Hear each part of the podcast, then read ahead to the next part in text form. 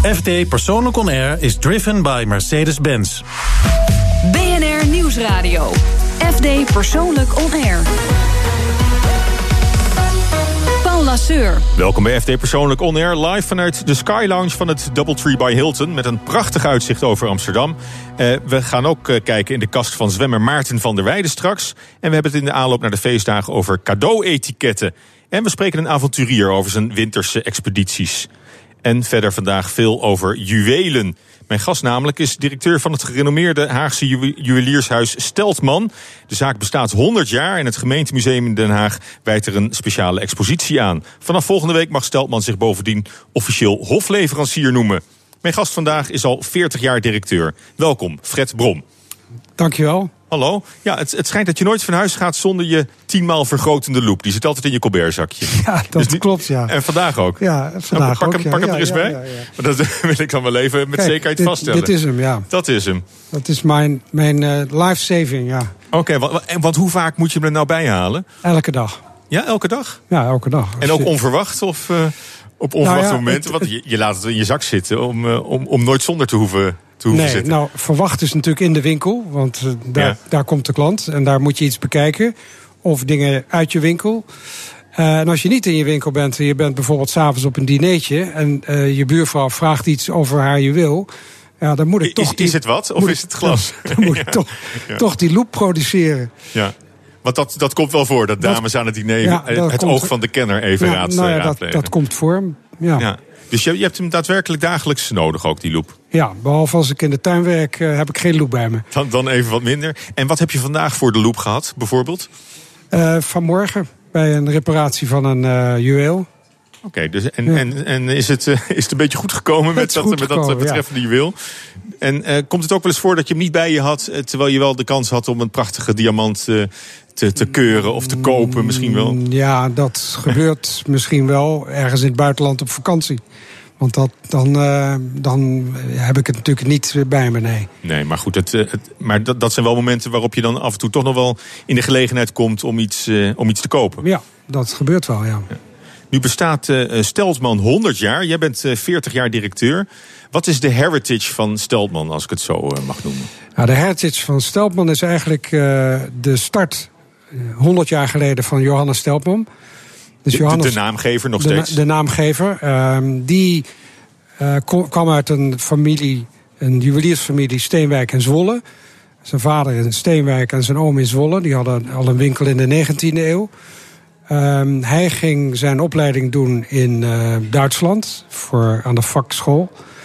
En daarna werkte hij even voor zijn familie. Maar op een moment, toen hij 27 was, dacht hij: Weet je, het kietelt, ik wil dit voor mezelf doen. Dus hij begon in uh, Den Haag uh, een juwelierszaak. Maar had daar natuurlijk geen geld voor. Dus als het ware een moderne crowdfunding. Hij heeft uh, acht mensen gevonden die 10.000 gulden wilden fourneren om zijn winkel te beginnen. Elk 10.000. Ja. Elk 10.000. Dat ja. is natuurlijk voor ja, huidige maatstaven ongelooflijk veel geld. En een ongelooflijk vertrouwen in iemand die heel jong is. Ja, in, in 1917 was het. In 1917. Toen is dat, uh, is dat gesticht. En wat maakte Steltman tot een, uh, tot een bijzondere juwelier? Dat, dat zijn naam nu nog voortleeft, ook in, in de naam van de winkel. Nou, hij, uh, hij was een begenadigd vakman. En dat had hij dan geleerd in, in, in Duitsland. Maar hij was, had ook een hele wijde blik. Dus hij reisde naar Parijs, liet zich inspireren door de Franse juweliers. Wat, wat is de mode en wat maak ik dan in Nederland aan juwelen? Uh, en die inspiratie samen met de belangstelling voor uh, het oosten. Want in de twintiger jaren werd heel veel modellen en stenen uit het oosten gebruikt. Zoals jade of en koraal, rood, jade, groen. Ja, ook een Indische connectie. Of, en ook een Indische connectie, maar meer, meer een Chinese connectie. Hmm. Dus de, de invloeden uit China. Uh, zodat hij in staat was om hele mooie juwelen te maken. Voor een markt, niet alleen in Den Haag, want hij reisde ook gewoon het land door. Hij ging met zijn koffertje ook naar het noorden. Een heel kostbaar koffertje dan? Een heel kostbaar koffertje.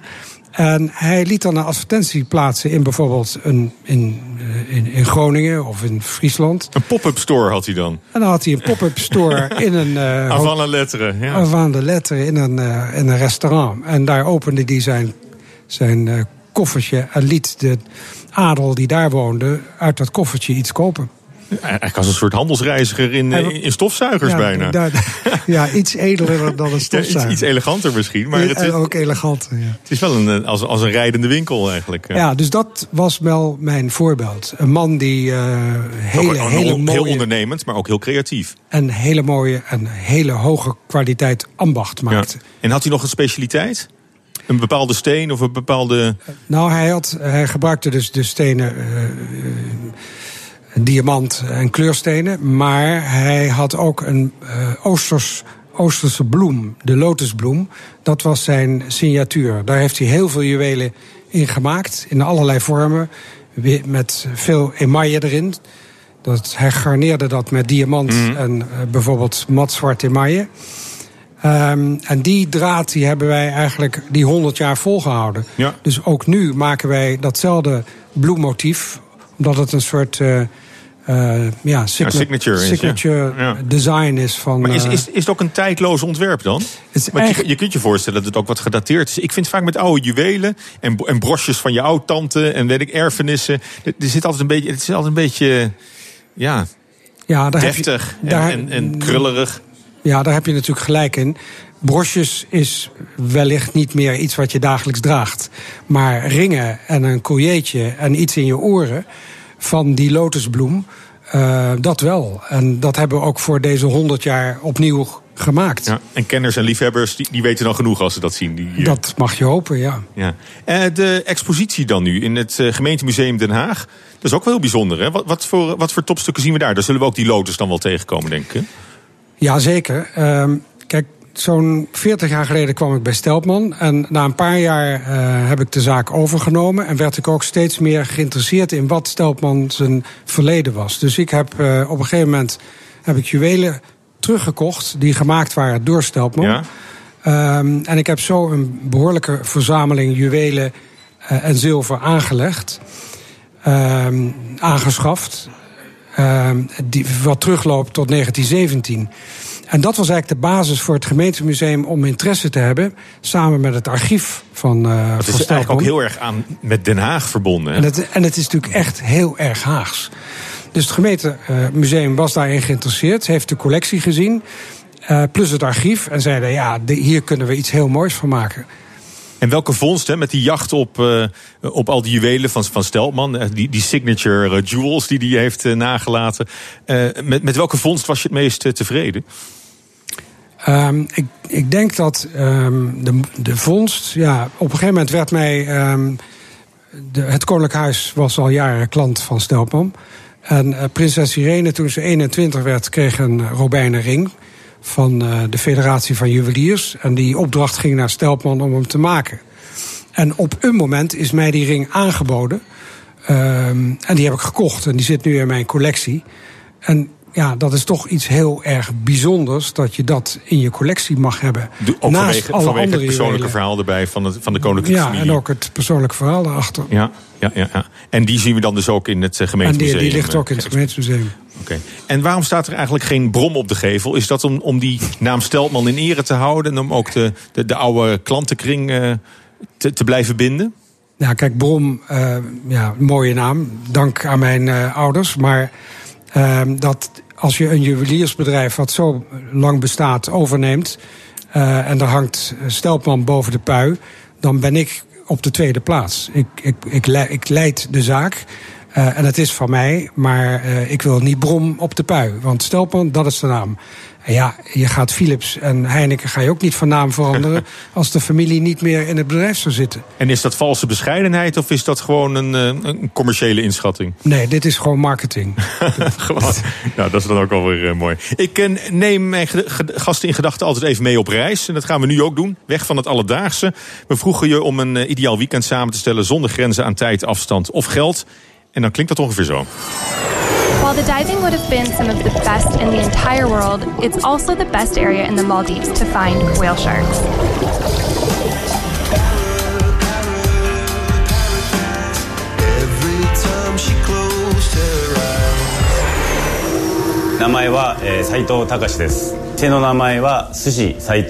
We've eaten a lot of sushi. We love it. We pretty much have sushi every single week.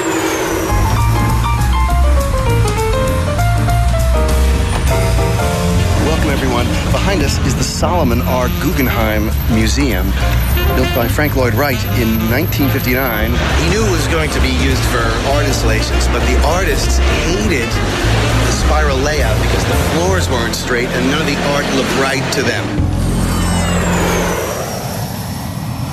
En dat was het droomweekend van Fred Brom, directeur van Steltman Juweliers. Uh, we beginnen in de Malediven. Ben je een duiker? Ja, ik ben een duiker, ja. Ja, hoeveel paddies heb je al uh, verzameld? Nou ja, ik ben uh, open water duiker. Dus wat je nodig hebt om overal te duiken. Ja. Um, moet je ook bijhouden, hè? Dat moet je eigenlijk elk dat jaar... dat moet je ook bijhouden, maar uh, doordat ik wat problemen met mijn oren en mijn klaring kreeg... Uh, heb ik op een gegeven moment wat minder gedoken. Maar de droom om in de Malediven te duiken na... Uh, ik heb in Curaçao en, en, en de Hmm. Caribbean heel veel gedoken... Um, ja, dat is natuurlijk de grootste wens. Hoe mooi is het daar? Oh, dat moet nog, dat moet nog gebeuren. Zover is het nog niet Nee, uh, dat is nog niet. Uh, ja. Ik dacht, ja, een droomweekend. Dat, dat moet ergens zijn waar ik in ieder geval nog, nog niet geweest ja. ben. Ja. Ja. Nou, op Bali kun je ook heel mooi eh, duiken. En trouwens. Bali kan je ook heel mooi duiken, ja. Heb je wel eens een parel opgedoken, of niet?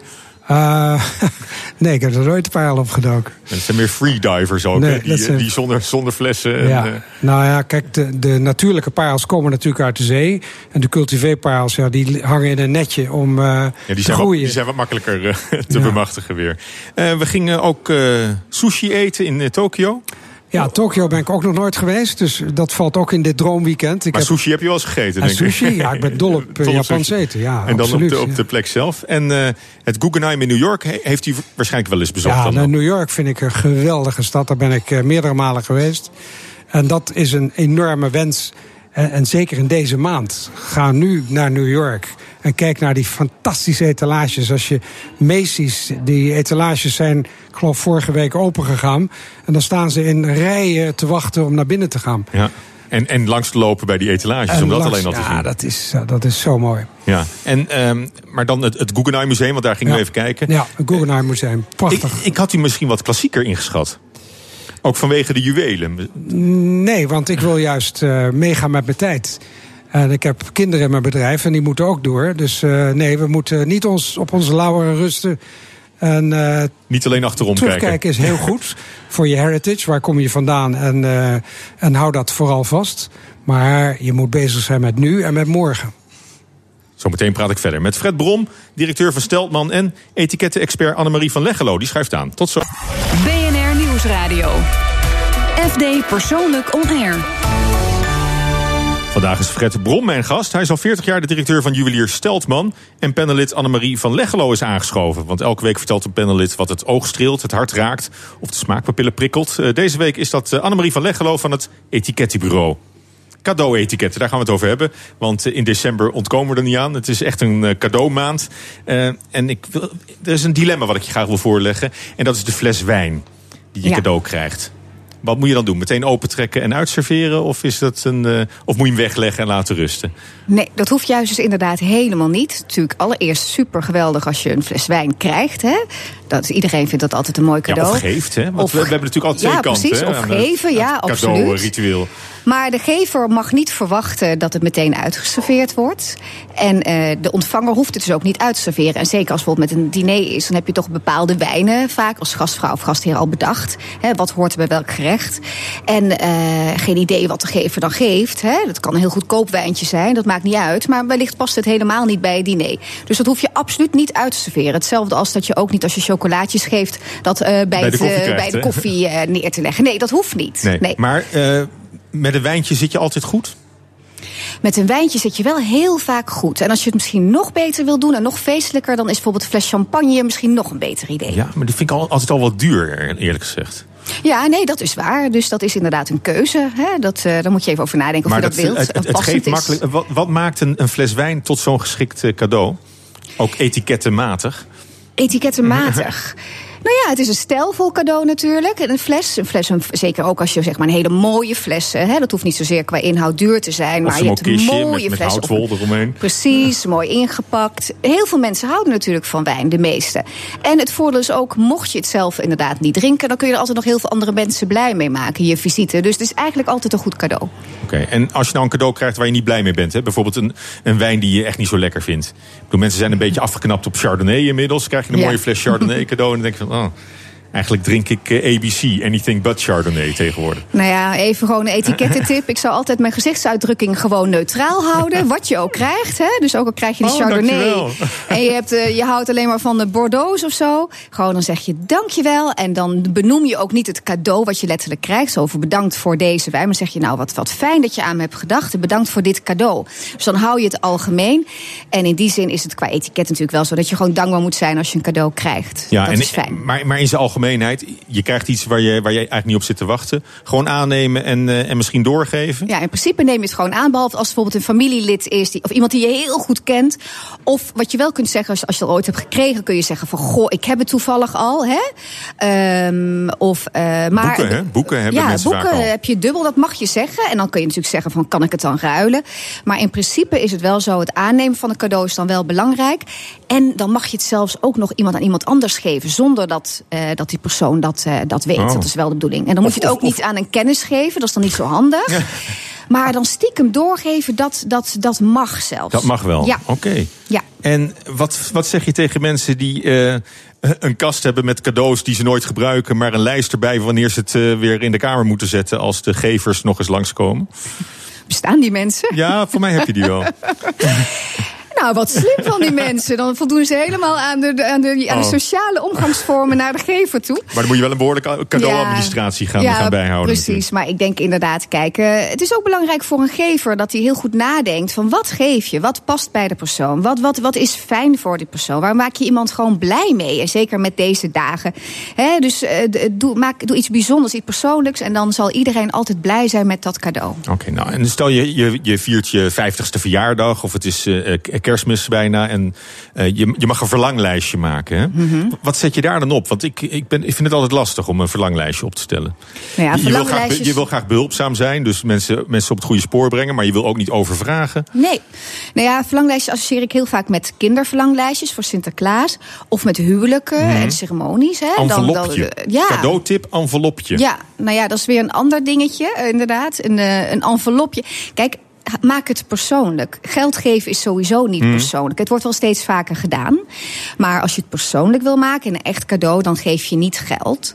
Eh, sowieso, als je een envelopje krijgt met een mooie kaart, hoort er dan in te zitten en geld, dan hoor je ook niet dat geld gaan te tellen waar iemand bij is. Doe je besloten. En als je bijvoorbeeld een cadeaubon geeft, maak het dan een persoonlijke cadeaubon. Bijvoorbeeld een mooie dinerbon of een wellnessbon. En die verlanglijstjes, dat mag. Eh, dat kan, alleen eh, nooit een bedrag daarbij zetten. Hè? Want dat was 25 euro en dat 20. En zorg ook dat de dingen die erop staan ook variëren. Hè? Dat je niet alleen maar die, die enorme dure cadeaus erop zet. Hè? Maar dat je wel, als je dat dan nog Je geeft doen, iedereen de kans, eh, du- dus je moet een Ja. gevarieerd lijstje maken. En mensen hoeven zich daar ook niet aan te houden. Want je hoort dus niet aan iemand een opdracht te geven. Ik moet dat Mm. Nee. hebben. Dat is meer iets voor Het is geen bestel- het is geen bestellijst. het is geen Het is bestellijst. geen bestellijst. En, en, Ja. wat, en dat is eigenlijk de hamvraag. Wat geef je iemand die alles al heeft? Iets persoonlijks, iets moois, iets waarover nagedacht is. En, en, en bijvoorbeeld een herinnering van iets. Het kan een prachtig foto zijn, bijvoorbeeld een fotoboek eh, wat, wat, waar iemand echt werkelijk een, een raakvlak mee heeft. En, eh, bijvoorbeeld ook wat ook heel leuk is, iets met aandacht, een uitje of zo. Eh, Heb je een voorbeeld uit je eigen leven misschien? Want jij hebt alles al, stel ik me even ik voor. Echt alles al. Nou nee hoor, was het maar waar. Ik heb genoeg, genoeg nog te wensen en dat vind ik altijd wel heel mooi. Een voorbeeld. Oh, dat vind ik. Nou, nee. Wat echt, wat, wat mij het meeste blij maakt, is niet zeg maar het materialistische, maar gewoon eh, wat ik zelf heel blij van word, is dat mensen zeggen van ik ga iets. eh, Iets speciaals met je doen. En die bijvoorbeeld een surprise. Dan nemen ze je ergens mee naartoe wat je niet weet. Op een mooie plek of een mooi etentje. Waar je een herinnering aan hebt. Wat iets persoonlijk is tussen twee Mhm. Dus mensen. een, een, beleving. Dus Een ja. beleving, een beleving. En dat Ik- is ik- denk ik altijd geweldig. Ik zit ook Fred Brom even aan te kijken van Steltman. Juwelen cadeau doen. Als je iemand een ring cadeau doet, dan eh, verwacht, hij, verwacht hij wat van je, denk ik. Ja, ik denk als je iemand niet zo goed kent, dan ga je niet beginnen om een ring cadeau te geven. Nee, hè? Nee. Nee, dat, Dan moet je op eh, één knie meteen. Nou ja, dat even daar gelaten ligt aan het model van de ring. Maar ik denk een ring is echt heel persoonlijk.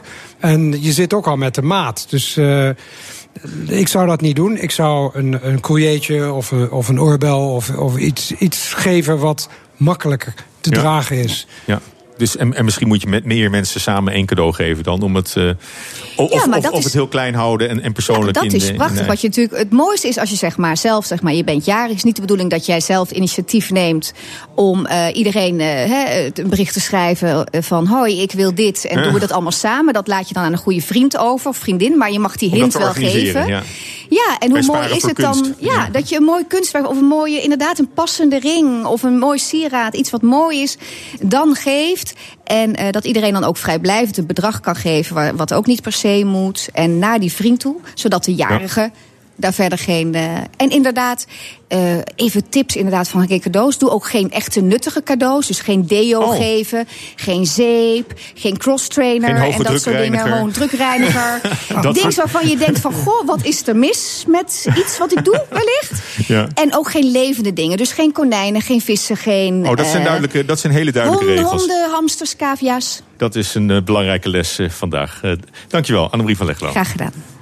Tomeo Kast en ik zeg wie u bent. Met die tekst belde Harmen van der Veen deze week aan bij zwemmer Maarten van der Weijden.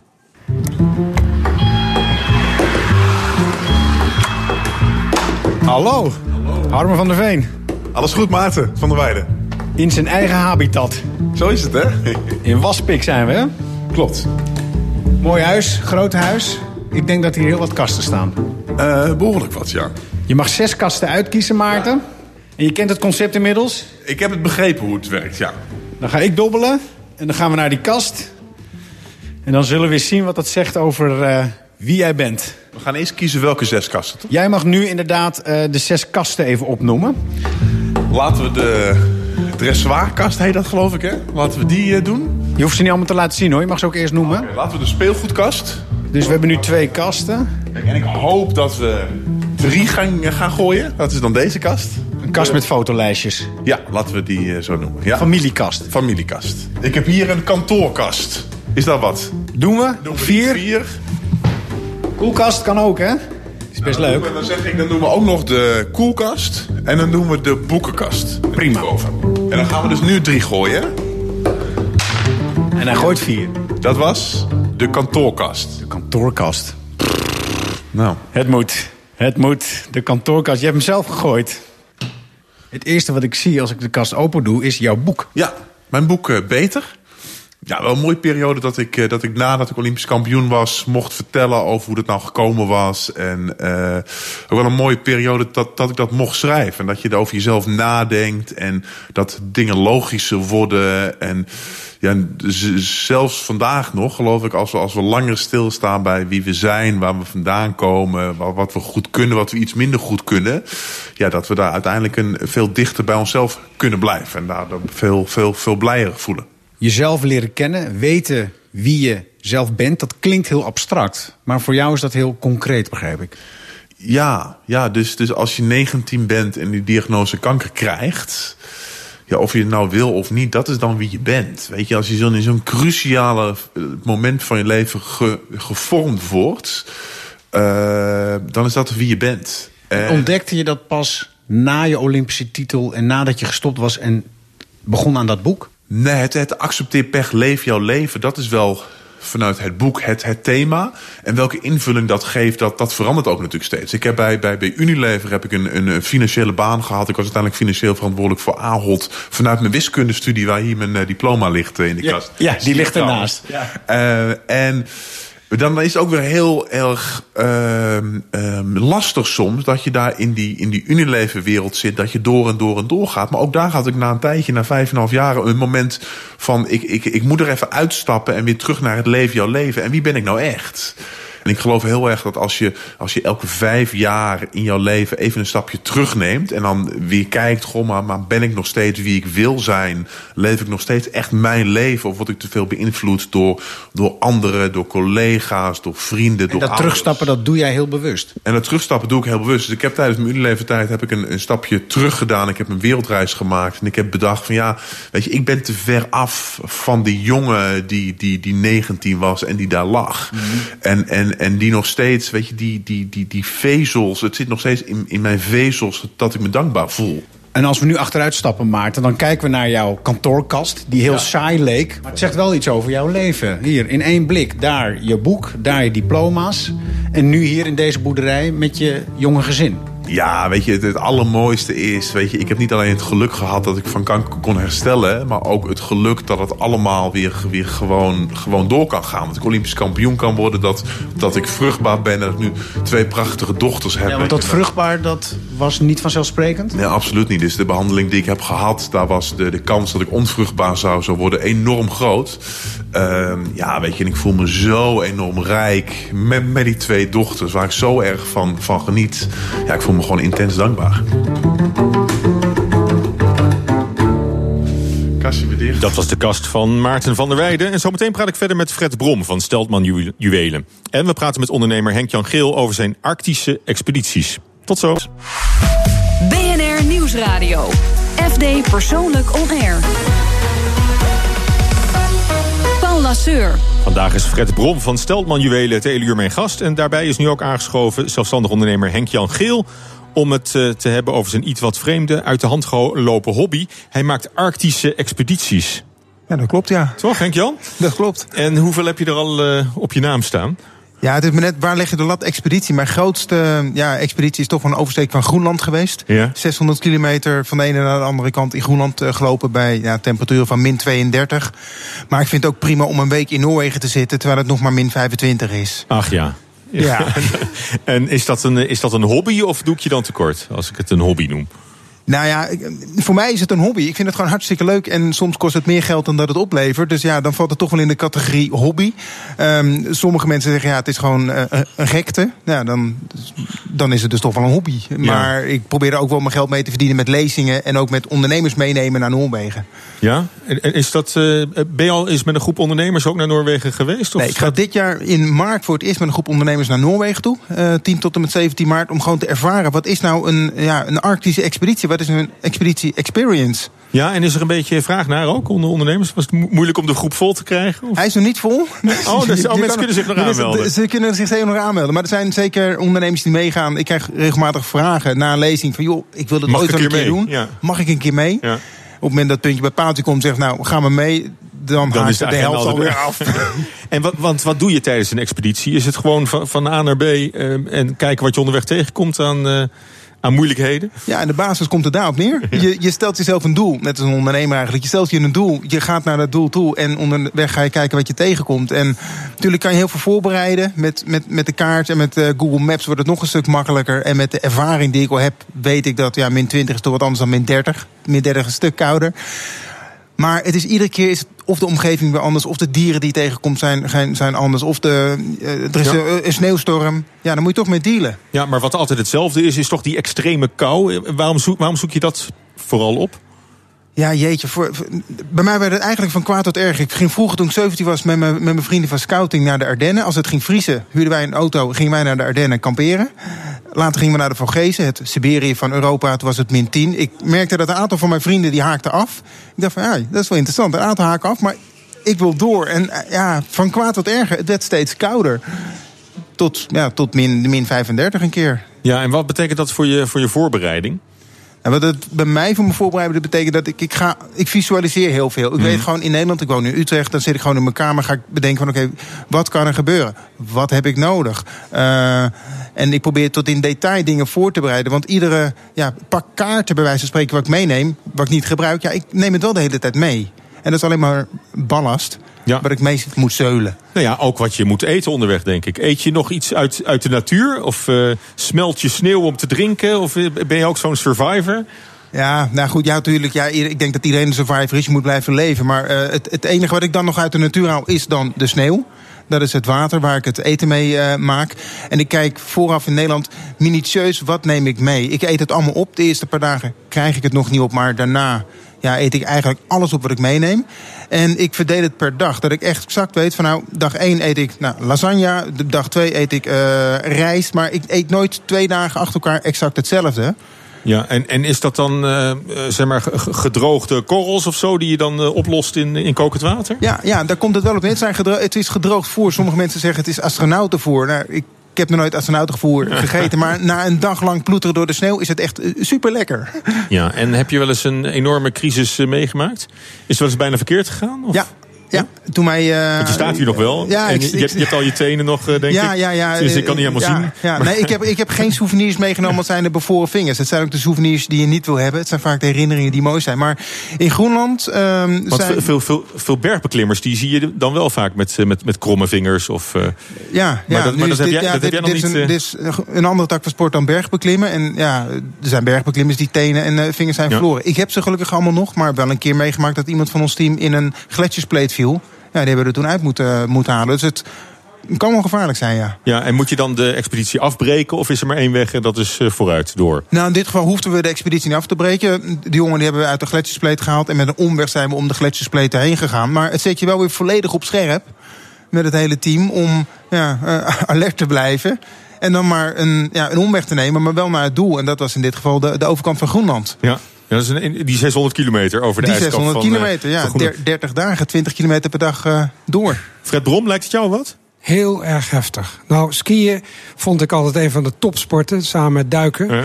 Maar dit klinkt uh, afzien. En ik heb, ik heb wel eens gezien hoe dat dan gaat in, in, in, in die sneeuw en dat ijs en, en heel koud. Ik weet niet of ik dat uh, aan kan, nee. Ja. Het is misschien ja. net even iets te lang. Want Henk Jan, gebruik je skis? Ben je, ben je ja, ook op, ja, ja, ja, ik gebruik uh, skis. Ik, ja, ik gebruik tourlanglaufskis. Ze zijn net iets breder dan mm. uh, gewone skis. En daarmee beweeg ik door het, uh, door het landschap heen. En ja, het is heel heftig. En met name, uh, je moet 24 uur per dag moet je alert zijn op de kou. Ik heb er een ja. keer met mijn tent opgezet en het, het lukte niet. Ik deed heel even mijn handschoenen uit. En binnen drie minuten kreeg ik echt tintelende vingers. En ik dacht, oh, wacht even, snel die handschoenen aan. Want ik zat op de helft van mijn tocht. Als je dan niet uh, ja, uh, achtzaam bent, dan heb je bevroren vingers en dan loop je daar een week mee te klooien. En ja. daarna nog langer. Ja, en het is, uh, je ziet ook wel parallellen volgens mij met het ondernemerschap. Hè? Dat is misschien ook leuk om die ondernemers ja. mee te nemen. Ja. Ja, dat, dat, is het hele idee van een expeditie. Dat je je een doel stelt en dat gaat, uh, gaat Ja, je stelt je, een, je stelt je een, een, gro een, groot doel. Het is een ambitieus doel. En samen met je hele team probeer je daar te komen met, met, met kleine stappen vooruit. En dan komen dingen zoals samenwerking, tegenslagen. Ja, de dingen die ik als ondernemer ook tegenkom. merk ik ook in het veld. Alleen op een heel ander niveau. Ja, want zelf zit je in de, in de social media content, hè, communicatie. Dat is een heel ander vakgebied eigenlijk. Heel ander vakgebied. En, maar maar ja. je, je, kan die twee wel mooi. Uh, ik kan die twee mooi combineren. En, en, en ik help ondernemers om, ja, ik noem dat met de expeditiemethode, om uiteindelijk ambitieuze doelen te halen als ondernemer zijnde. Ja, een van die doelen is nu om achter een vlieger hangend door Groenland te trekken. Ja, ja, klopt, klopt. Als een soort kitesurfer, maar dan met een slee. Ja, als een soort kitesurfer, dan met een slee. Uh, wij, willen, wij zijn in dit geval Benice Notenboom en ik. Wij willen in mei naar Groenland toe gaan om daar 1300 kilometer een, ja, een tocht te maken. Dat is ruim twee keer zover als die vorige Groenlandse-tocht. Ja. En wil het een beetje waaien in, in Groenland? Of niet? In de helft van de tijd nog. Ja, in, in Groenland hebben ze katabatische winden. Dat zijn winden die eigenlijk vanaf de top van de ijskap naar de kust toe stromen. En wij proberen die winden op te, te, te vangen met een, met een hele grote vlieger. Met onze slee achter ons aan. En dan gaan we zo'n, ik hoop 70, 80 kilometer per dag. Dus niet per uur, maar per dag uh, vooruit. Nou, geweldig zeg. Ja, ook heel, duurzaam. Bouw je daar ook een hele uh, ja, publiciteit omheen? Uh, we zijn er nog niet mee begonnen, maar ik denk wel dat we er weer... Je hebt ook geld, geld nodig natuurlijk. We hebben zeker geld je nodig. Je zoekt sponsors voor op die vlieger. Ja, dus ik zal nog een keertje aankloppen bij BNR. nou, wie weet. En uh, als laatste, ben, je bent nog niet op de Zuidpool geweest, hè? Nee. Is dat nou je absolute droom om ook nog eens over de Zuidpool te ja, trekken? Ja, de, de, de, Zuidpool staat bij mij echt uh, op nummer 1 op mijn bucketlist. Ik vind als ondernemer moet je bucketlist hebben. En dit staat er zeker wel op. ja, ik hoop daar nog wel een keer te komen. Ik ben er keihard voor aan het, aan het werk. Uh, met name de, de, logistieke kosten zijn daar, ja, uh, die reizen de pan uit. Denk aan een uh, ongeveer 75.000 euro per persoon om een expeditie naar de Zuidpool te doen. Nou, daar kan je behoorlijk wat juwelen van kopen, geloof ja, ik. Ja, daar kan je ja. hele mooie juwelen Maar goed, dan heb je wel een, een geweldige herinnering waarschijnlijk. En, en, dat is misschien nog belangrijker dan, dan juwelen. Al zullen die dat ook vaak Zeker, alleen ja. maar onderstrepen. Hartelijk dank, Henk-Jan Geel, zelfstandig ondernemer en expeditieleider bij Arctische Reizen. terug naar jou, Fred Brom. Uh, we hebben je vooraf gevraagd om een uh, nummer te kiezen dat we voor je konden draaien. En je koos een vioolconcert van Bach, uitgevoerd door Nigel Kennedy. Ja, dank je. Gaan we nu naar luisteren.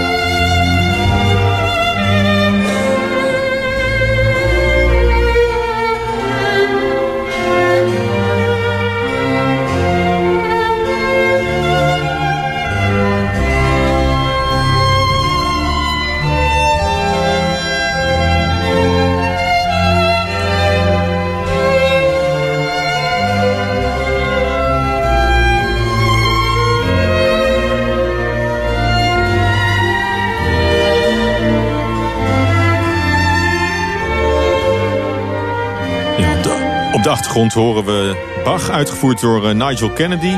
Uh, Fred Brom, waarom deze muziek? Nou, ik ben gek op uh, muziek. Zowel uh, klassiek als, als jazz. Um, het had ook net zo goed uh, Sketches of Spain van Miles Davis kunnen zijn. Dat vind ik ook geweldig. Maar barokmuziek, uh, dat heeft mijn grote liefde. Het is al melancholiek, hè, dit? Ja, maar dit is nou... dit is heel We hebben mega, een stukje gerust. Maar Nigel Kennedy, die... Uh, die in de Prawns uh, in de Carnegie Hall zijn muziek ter gehoor brengt. Ja, die man ja, hij is heeft uh, jaren geleden nog in de top 40 gestaan met uh, de vierjarige tijden. Wat fenomenaal goed. Ja, ja, Ook de vierjarige tijden van Vivaldi. Die kan je, Heb zo... je hem gezien in Carnegie Hall? Nee, nee oh. dat, dat zou mijn droom zijn. maar dat is ja. wat we nu horen. Ook op de bucketlist, ja. ja. Op, op welke momenten draai je muziek? Wanneer luister jij? Uh, als ik aan het bureau zit. Ja? Uh, ja, dat vind ik heerlijk. En is altijd wel muziek aan ook? Ja, is altijd muziek aan. En ja, uh, ja ik heb... Uh, mijn hele familie houdt van muziek. Dus, maar dan verschillend. Ja, en, en, mijn jongste zoon is DJ, dus ja... Die, die oh, dat draait, wel. Dat, dat is dan helemaal de moderne kant ja, van, die van de draait, familie. Uh, heel graag muziek, ja. Want op zich, het is wel interessant natuurlijk... dat die klassieke muziek en het, en het moderne geluid... dat vind je de juwelen ook. Hebben we het net ook al even over gehad. Ja. Het is natuurlijk een heel traditioneel vak eigenlijk, ja, die, die is... juwelenbusiness. Maar je hebt ook wel moderne sieraden. Ja. Waar, waar zit Steltman dan? Wij proberen uh, hedendaags te zijn. Dus hedendaagse juwelen. Kijk, de, de klanten worden steeds jonger. Uh, die willen steeds vaker juwelen uh, overdag dragen. Dus het, het, wordt steeds relaxter in het ontwerp van het juweel. En in de keuze van het juweel. Maar wij komen van een klassieke, uh, van klassieke ontwerpen. En wij hebben een enorme liefde voor kleurstenen en diamanten. Dus wij reizen de wereld af om juist die ene mooie kleursteen te kopen... en daar een juweel voor te ontwerpen. Of wij veranderen oude juwelen voor klanten die zeggen... ja, dit is demodé, niet meer van deze tijd... Mm -hmm. Uh, en ik heb twee kinderen in het bedrijf, waarvan één uh, al twintig jaar in het bedrijf op het atelier zit. En die creëert en, en, ontwerpt modern in een computer juwelen. En zometeen ben ik terug met Fred Brom van Steltman Juwelen. Tot zo. BNR Nieuwsradio. FD Persoonlijk On Air. Juwelier Fred Brom van Steltman in Den Haag is uh, mijn gast.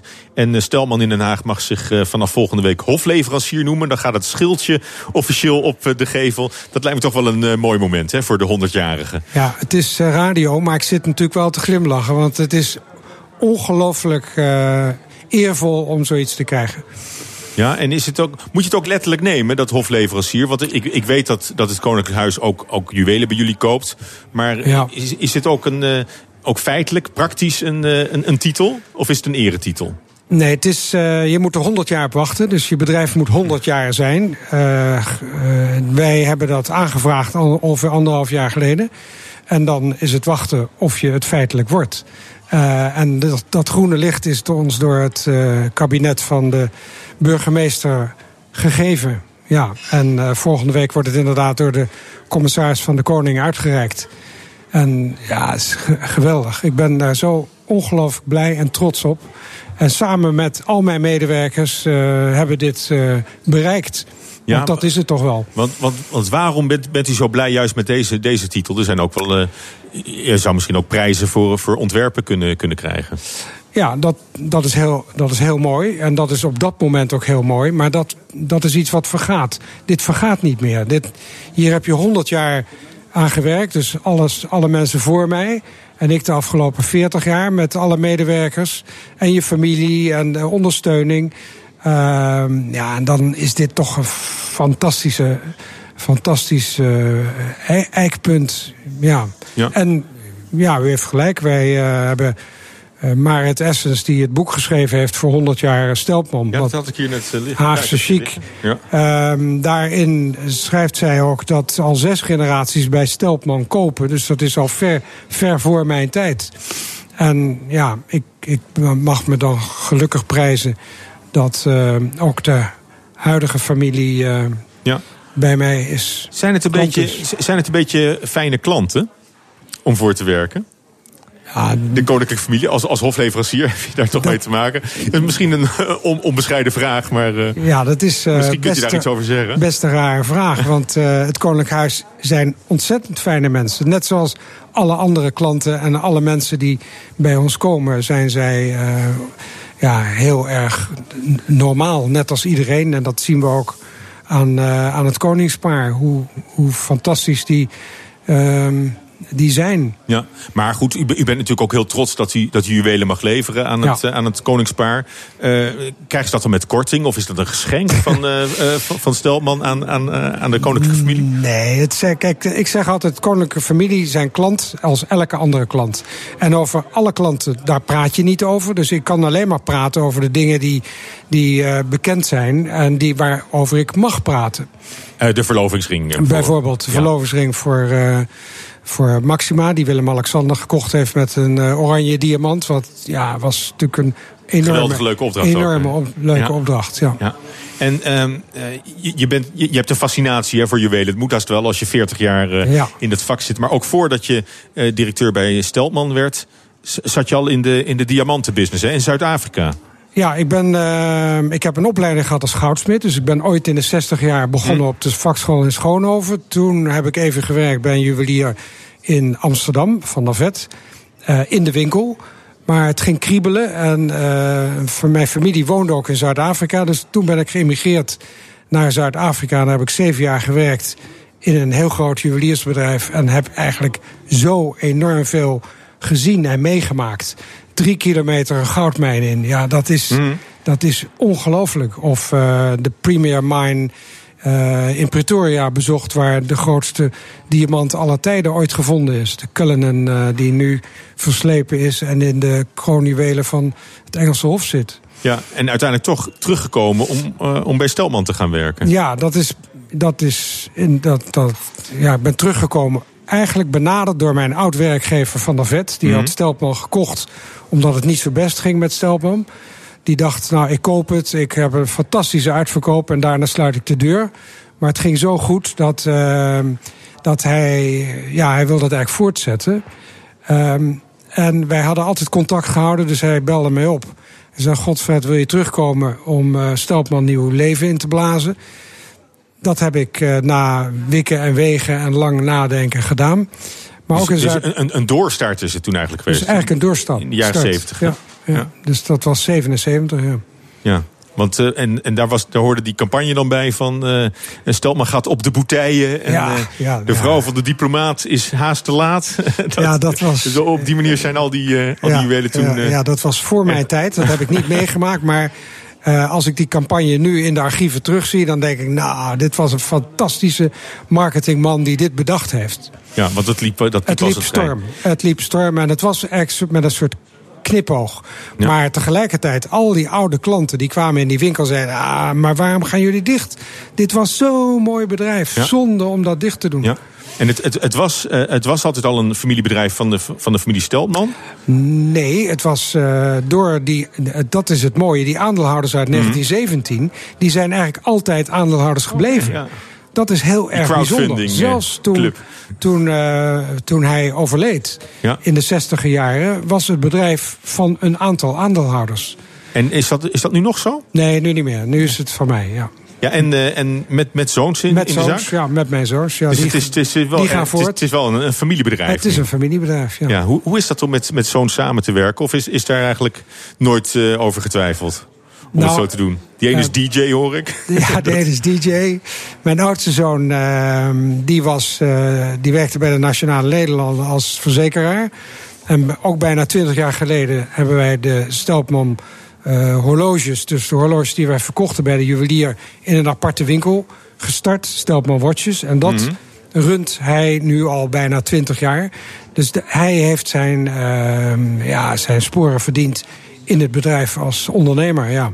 Ja, dus daar, om, omdat die horloges apart uh, erbij Omdat kwamen. die horloges apart. En ja, straks gaat het natuurlijk door met juwelen en horloges. Ja. En mijn andere zoon die runt het atelier. En uh, Uh, en is die, ook die, directeur ont, die, in het die bedrijf. ontwerpt ook uh, En die ontwerpt, ja. Dus die zit zelf ook met, met zo'n loepje in zijn zak. Die zit eh, ook met uh, een loepje op zijn hoofd, ja. Ja.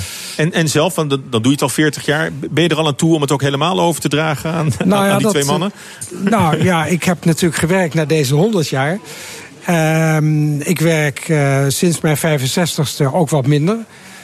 Uh, drie dagen per week. Ik ben inmiddels 73, dus uh, ja. Je zou het niet zeggen, Fred. Nou, hartelijk dank, Paul. dank je wel. Maar het is wel zo. En ja, natuurlijk vind ik het leuk om daarbij betrokken te zijn en ook nog te blijven.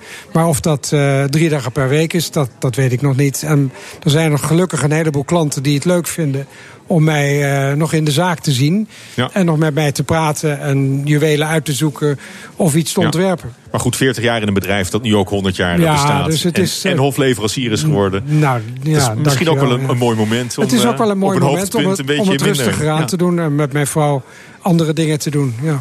Dus echt van het pensioen geniet. Misschien Ja. dat toch die duiktrip Ja, naar, eh, mis- de, naar de Malediven Ja, maken. wie weet, ja. Wie weet. Nou, zo weinig tijd, zoveel te doen. Eh, daarom vragen we elke week aan een organisatie uit het culturele veld wat we niet mogen missen. En volgende week is de Nacht van de Arabische Literatuur. Heel ander verhaal. Met eh, daarbij de uitreiking van de El Hizra Literatuurprijs. En die ging in het verleden al eens naar Abdelkader Benali. Eh, we vroegen de directeur van El Hizra, Mohammed Mahdi, naar zijn Arabische leestip. Mijn persoonlijke leestip uh, zou zijn, maar het komt ook door de, het verhaal van de schrijver. Dat is uh, Mohammed Shukri. En dan zijn boek De Hongerjaren. In het Arabisch uh, al-Hafi. Mohammed Shukri heeft pas echt leren lezen en schrijven toen hij 21, 22 jaar was. En debuteerde net voor zijn 40ste jaar.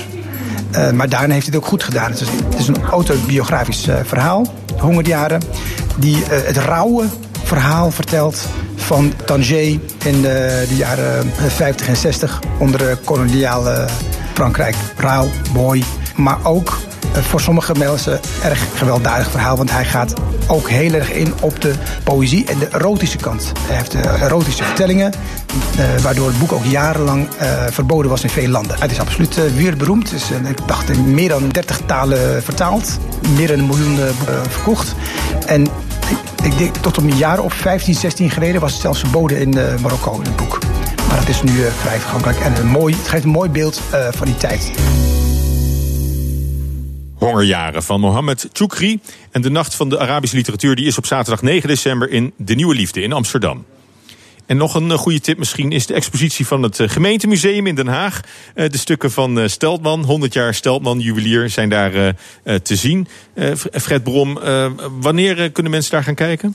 Nou, ze kunnen elke dag daar naartoe. Uh, tot 18 februari, dan sluit het. Oh, dus dat is nog wel, nog wel ja, even, het is even de nog tijd genoeg. En uh, ja, het is een prachtige maand om het museum te bezoeken. En bovendien, uh, er is natuurlijk Frans Hogedoorn, de kleding. Dus mm dat past heel goed bij juwelen. Plus de Art Deco tentoonstelling, waar ook uh, ja, de, in dezelfde tijd als Stelpman in de twintiger jaren juwelen maakte, Mhm. van alles te zien is. Ja, want oorspronkelijk was de winkel ook nog eens door Rietveld uh, ingericht, hè? Mm, ja, in de zestiger jaren, maar eerder nog de Hildo Krop, de beeldhouwer uit Amsterdam. Dus uh, Stelpman zocht altijd, die zocht altijd vrienden op die ook ontwerpers waren. Ja, en dat, en dat zie je ook terug in die, in die collectie. In maar die, die, collectie die, heb, die, hebben we ingevuld vanaf 1917 tot nu.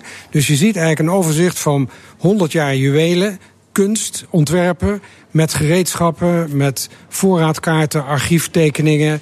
tot aan het hedendaagse met zilver en horloges. Prachtig. En dat is dus 100 jaar Steltman, waarvan 40 jaar onder leiding van, uh, van Fred Brom. Ja. Met zoons. Er is ook nog een dochter, maar Ja. die zit alweer niet in de zaak. Nee, Tamara die zit niet in de zaak. Die heeft uh, allround styling gedaan. Die heeft ontzettend veel gevoel voor juwelen en kleding. Maar die zit niet in de zaak. En ja, wat nog niet is, kan misschien komen. Dat weet ik niet, maar ze moeten zelf die keuze maken, niet ik. Oh, dan sluiten we toch af met een soort oproep aan Tamara. Of ze misschien niet Ja, ook uh, misschien daar, daar eens over na wil denken.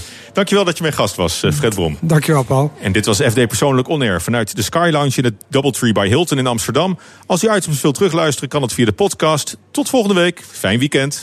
FD Persoonlijk On Air is driven by Mercedes-Benz.